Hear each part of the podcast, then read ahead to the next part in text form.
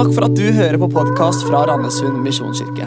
Denne talen er spilt inn på en av våre gudstjenester, og vår visjon er å hjelpe mennesker til tro på Jesus og et liv med Han. Gå inn på mkirken.no eller Randesund misjonskirke på Facebook for mer info.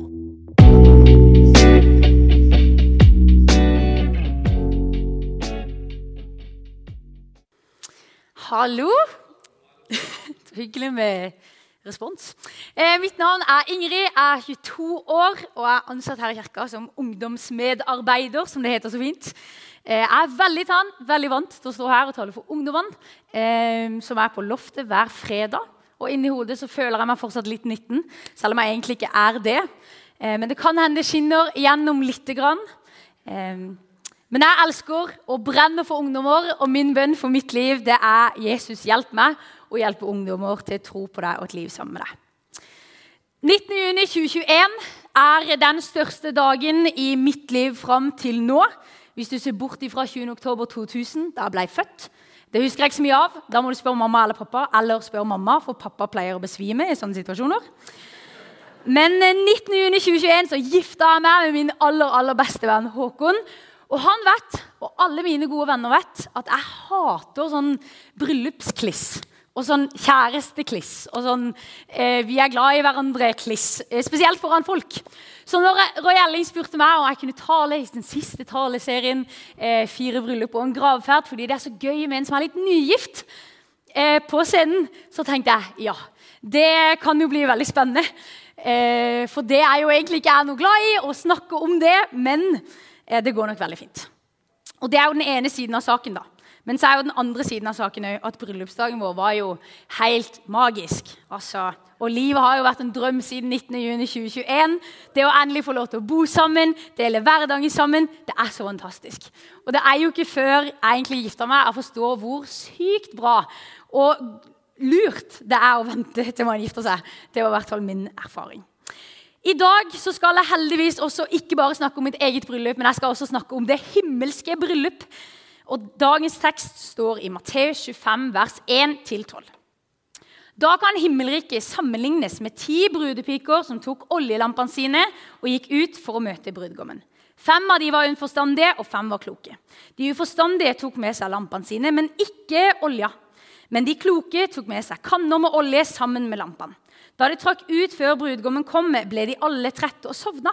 Men ved midnatt lød et rop, 'Brudgommen kommer, gå og møt ham.'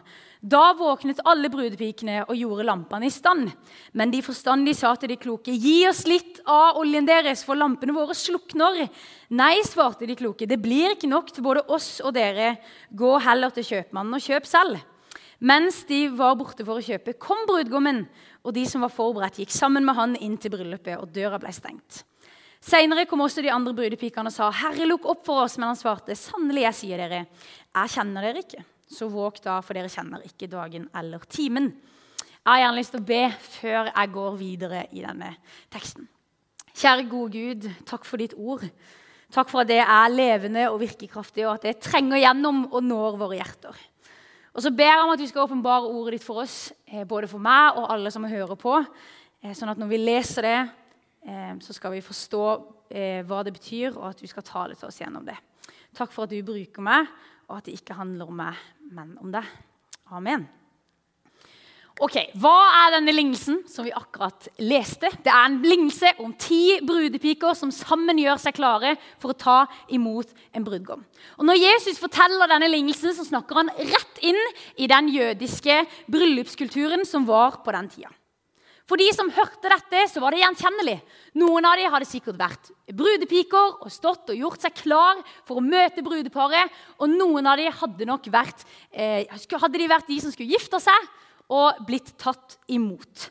Og På denne tida så var bryllup en stor greie. Det er en stor greie i dag, men det var en stor greie på den tida.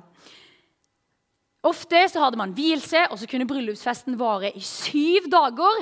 Og etter de syv dagene så dro bruden og brudgommen hjem til brudgommens hus, hvor de skulle tilbringe resten av livet. Og Da var det ofte en gjeng som møtte de på veien.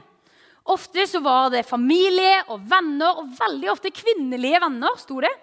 Um, som stilte seg opp og lagde en tunnel med fakler og lyste opp veien inn til eh, der de skulle være.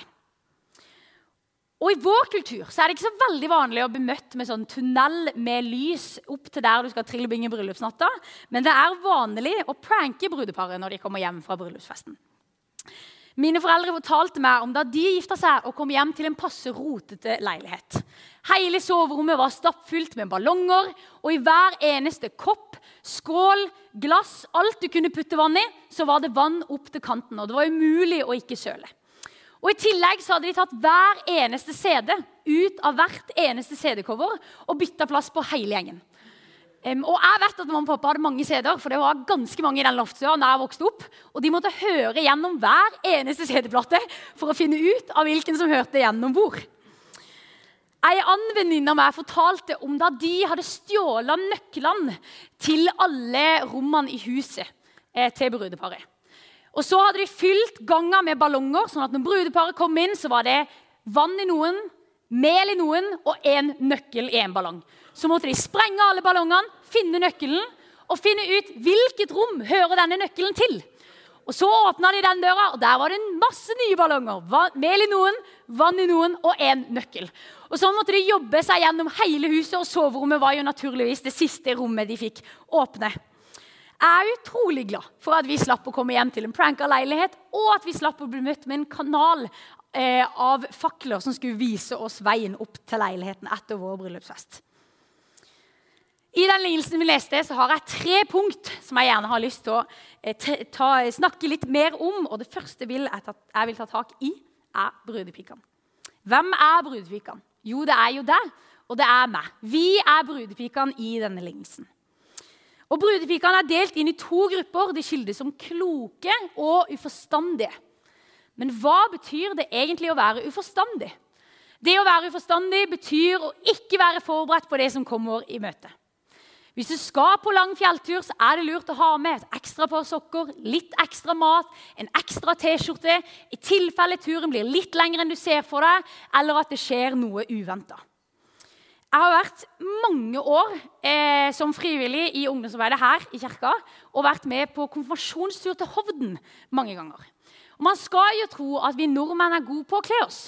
Men når vi kommer opp på Hovden fredag kveld, det er minus 20 grader, og det dumper 70 ungdom i slippers, sånne korte halssokker og T-skjorte ut av bussen og Når vi da dagen etter skal stå i bakken, og jeg møter gutta boys som kommer gående i joggebukse og hettegenser, så sier jeg eh, har dere ull under, eh, bøff, lue, votter, ekstra votter. Har dere hørt om det?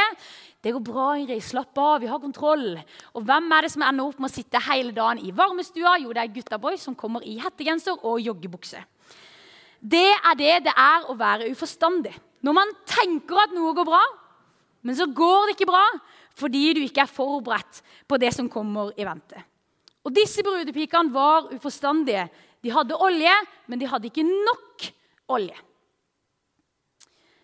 Fem av brudepikene vi leser om, beskrives som uforstandige av Jesus. De hadde olje, men ikke nok. Og det som er interessant, er at midt iblant disse uforstandige brudepikene så finner vi fem kloke brudepiker. De er ikke atskilt fra hverandre på hver sin side av veien eller kommer fra hver sin plass. Nei, de kommer sammen, de forbereder seg sammen, og de sovner sammen begge to. Det står ingenting om at de kloke brudepikene står hele kvelden og våker, eller at de våkner tidligere, eller at de er smartere eller hadde levd et bra nok liv. De gjorde det samme. De gjør alt det samme. Begge har med seg lamper med olje i, og begge sovner. Men hva er det som er forskjellen på de kloke og de forstandige brudepikene? Forskjellen er jo at de kloke brudepikene er forberedt. De vet at det kan ta lang tid før brudgommen kommer, og de har med seg ekstra olje. Men hva symboliserer denne oljen, da? Siden olje er det som skiller de kloke fra de uforstandige. Og det er det neste jeg vil stoppe opp med. Disse oljelampene som de brudepika mest sannsynlig brukte, var mest sannsynlig fakler. De var lagd eh, med jern, og så surra man en fille rundt, og så var de hule inni, og så hadde man olja oppi der. Og Ofte er olje symbolisert i Nytestamentet som et symbol på Den hellige ånd. Men i denne lignelsen så tror jeg med Jarle i ryggen at det er et bilde på livet med Jesus. Olja er det som er avgjørende for brudepikene. Det er den som skiller de forstandige fra de uforstandige.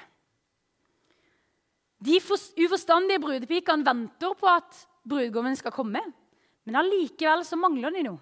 De mangler den ekstra olja, de mangler livet med Jesus. Og jeg tror at det kanskje er noe av dette Jesus vil ha fram i lignelsen. At det er en forskjell på å kjenne til Jesus og å kjenne Jesus.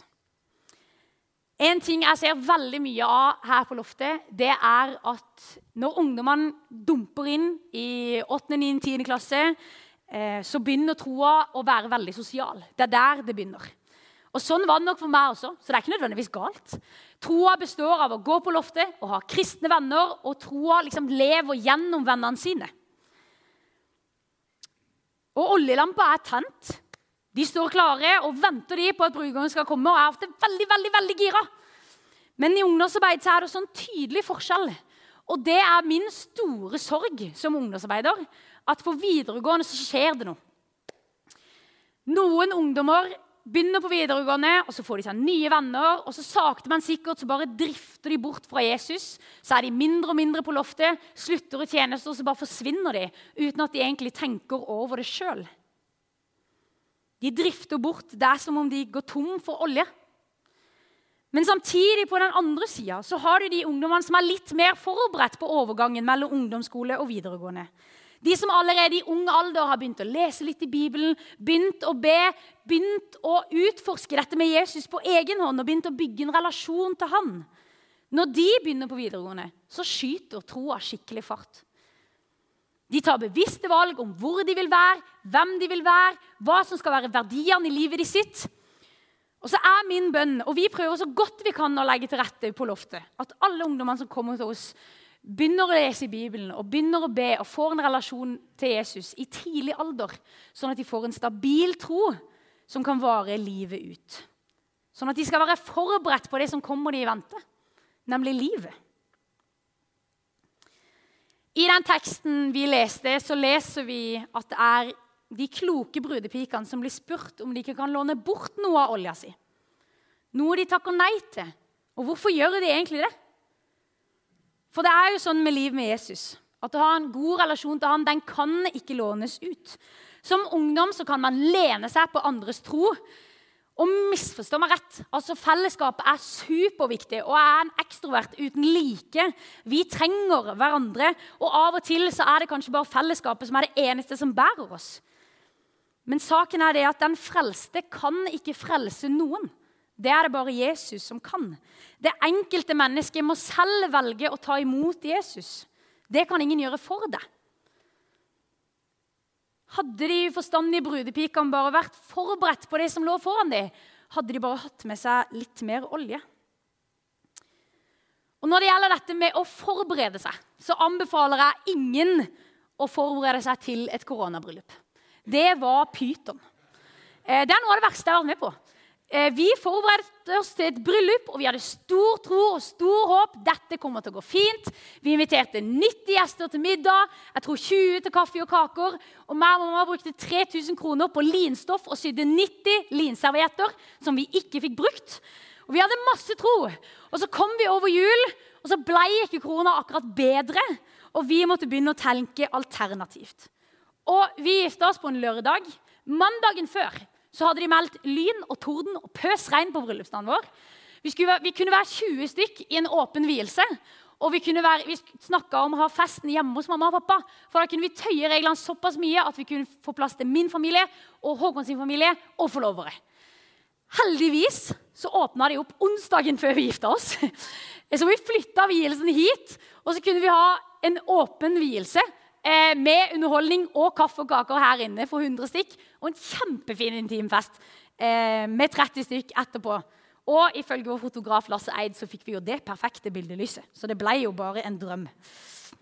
Men det å forberede seg til et bryllup hvor du ikke aner hvor mange gjester du kan ha, det var helt pyton. Og jeg anbefaler ingen av dere å gå gjennom det. For vi hadde på et tidspunkt seks forskjellige gjestelister til forskjellige scenarioer. Og vi tøyde alle regler til det maksimumet bare for å få plass til så masse folk som overhodet mulig. Vi forberedte oss, men vi visste egentlig ikke helt hvordan det kom til å se ut. det vi forberedte oss til.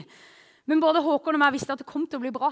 Vi skulle jo tross alt gifte oss. Og vi gifta oss ikke for en fest, vi gifta oss for et ekteskap. Og Sånn er det nok for disse brudepikene i Jesus' sin lignelse. De visste ikke helt hva de forberedte seg på, eller hvor lenge de måtte vente, men de hadde med seg nok olje til han at brudgommen kom, så var de klare og forberedt til å slå følge med han og bli med inn på festen. Og Denne invitasjonen her til å stå klar og bli med inn, den gjelder ikke bare for brudepikene, men den gjelder til deg òg. Samme hvor du er i din relasjon til Jesus akkurat nå, så er det alltid mulighet for å ta imot. Kanskje for første gang eller på nytt. Det siste og tredje punktet fra denne teksten som jeg har lyst til å snakke om, det er at Jesus kommer igjen. Men vi vet ikke når. I vers 13 sier Jesus, 'Så våg da, for dere kjenner ikke dagen eller timen.' Vi må være forberedt, for vi aner ikke når han kommer. Men det vi vet med sikkerhet, det er at Jesus kommer. Det kan være nå, det kan være i morgen, og det kan være 3000 år fram i tid. Og Hvis vi holder fast på vår tro, så er vi alle invitert til å bli med den dagen Jesus kommer igjen. Du er invitert. Om du i dette sekund tror eller ikke, så er du invitert til å si ja til Jesus og bli med inn til hans store bryllupsfest i himmelen. Jeg vet ikke når, men jeg vet at Jesus kommer igjen. Og den dagen han kommer igjen, så har jeg lyst til å stå klar med masse olje til overs. Med masse mennesker jeg kjenner, og masse mennesker jeg ikke kjenner. Sånn at vi kan sammen gå inn og møte vår brudgom Jesus Kristus. I Johannes' åpenbaring 19 så kan vi lese om akkurat dette bryllupet. Det himmelske bryllup. Jesus sitt bryllup. Og jeg ble kjempefornøyd med vårt bryllup. Men det himmelske bryllup kommer jo bare til å knuse vårt bryllup langt ned i støvlene. Min gode venn og kollega som jobber her, Randesund, Jens Christian, han fortalte meg om da han fikk lov til å være med i verdenseliten sitt bryllup. Han var invitert i et bryllup til en verdenskjent modell i Monaco i Italia. altså Det høres jo helt sykt ut. Eh, og han sier at når du er i et sånt bryllup, så er du livredd for å si noe feil, gjøre noe feil eller bare tryne. For det var så mange kjente mennesker der. Alt var smelldyrt. Og det var black tie-kleskode og supergjennomført. Og så sier han òg at det var så mange kjente folk at det nesten er mer viktig hvem som er i bryllupet, enn hvem som faktisk gifta seg. Og det sier jo litt. Og det bryllupet der høres helt surrealistisk ut i mitt hode. Og det bryllupet som Jens var i, kan ikke sammenlignes med det himmelske bryllupet som en gang skal være. I Johannes' åpenbaring 1906-8 så står det da var det som jeg hørte lyden av en stor skare. Et brus av veldige vannmasser og drønn av mektig tordenbrak. De ropte halleluja, for Herren vår Gud, den allmektige, er blitt konge. La oss glede oss og juble og gi ham æren, for tiden for lammets bryllup er kommet. Hans brud har gjort seg i stand, og hun har fått på en drakt av skinnende, rent lin. Linet er de helliges rettferdige gjerninger. Når dette bryllup skal holdes, så kommer alle bryllup, sånn verdenskjente bryllup som noen gang har vært, til å se ut som sånne billige Las Vegas-bryllup vi ser på film. Det kan ikke sammenlignes engang. Og Jeg har tre bitte små ting jeg har bare lyst til å kommentere fra denne teksten. Og Det første er den lyden Johannes hører. Da var det som jeg hørte lyden av en stor skare. Et brus av veldige vannmasser og et drønn av mektig tordenbrak. For et hallelujakor å innlede en vielse med. Det er bare det jeg tenker. Og dette her sier oss noe om hvor sykt stort dette bryllupet kommer til å være.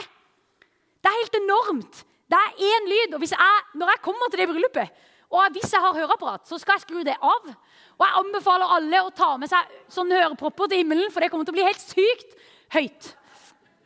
Men jeg gleder meg helt vilt. Dette sier oss bare noe om hvor stort og mektig og vilt dette bryllupet kommer til å være. Det andre jeg stopper opp med, er bruden. Hans brud har gjort seg i stand, og hun har fått en drakt av skinnende, rent lin. I denne teksten her er det Jesus som er brudgommen, og bruden er et bilde på hans kirke. Alle kristne. Meg og deg. Bruden representerer hva vi kan være i Jesus Kristus.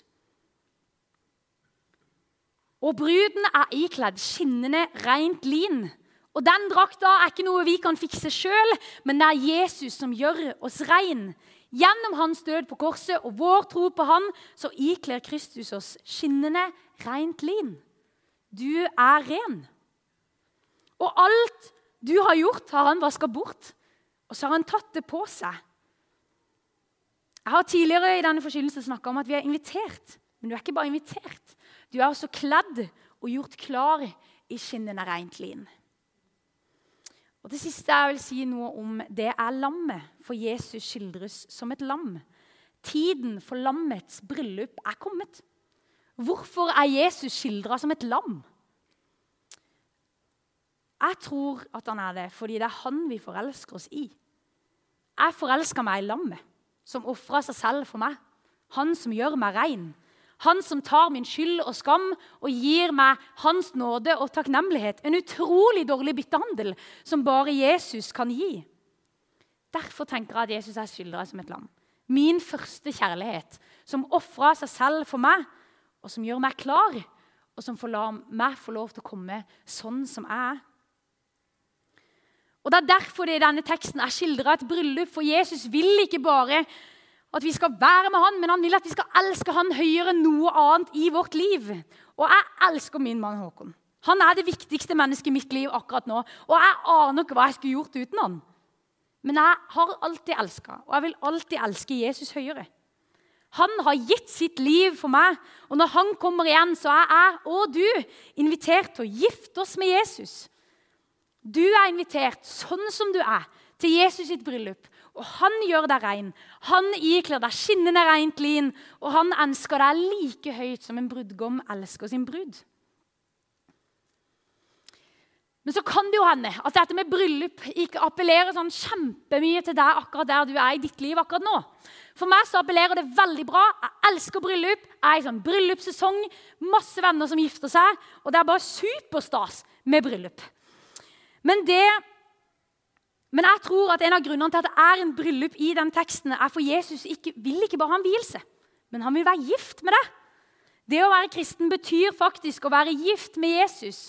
Og på samme måte som olja var et bilde på livet med Jesus, så er også bryllupsfesten et bilde på livet med Jesus. I forberedelsene til denne talen så hørte jeg en tale av Tim Keller, som blir mye sitert her i Randesund.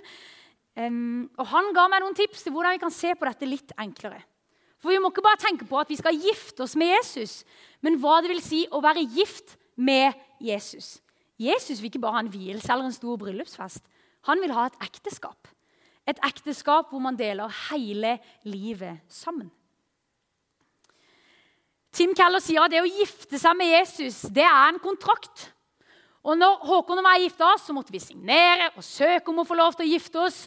Og jeg eh, skifta navn fra Skjegstad til Skjegstad Brevik, og han skifta navn fra Brevik til Skjegstad Brevik. Og det binder oss sammen, og det er lovlig, og det er en kontrakt. Er du fattig og gifter deg med en rik, så blir du rik. Er du fra hvor som helst i verden og gifter deg med en sørlending, så blir du en sørlending. Vi er alle syndere, men Jesus er rettferdig. Og når vi gifter oss med han, så ikler han oss skinnende rent lin, og så blir vi rettferdige. Han gjør oss klar. Når vi gifter oss med Jesus, så tar vi imot det han har å gi oss, og så tar han vekk vårt gamle. Men ekteskapet er også omfattende. Det angår hele livet.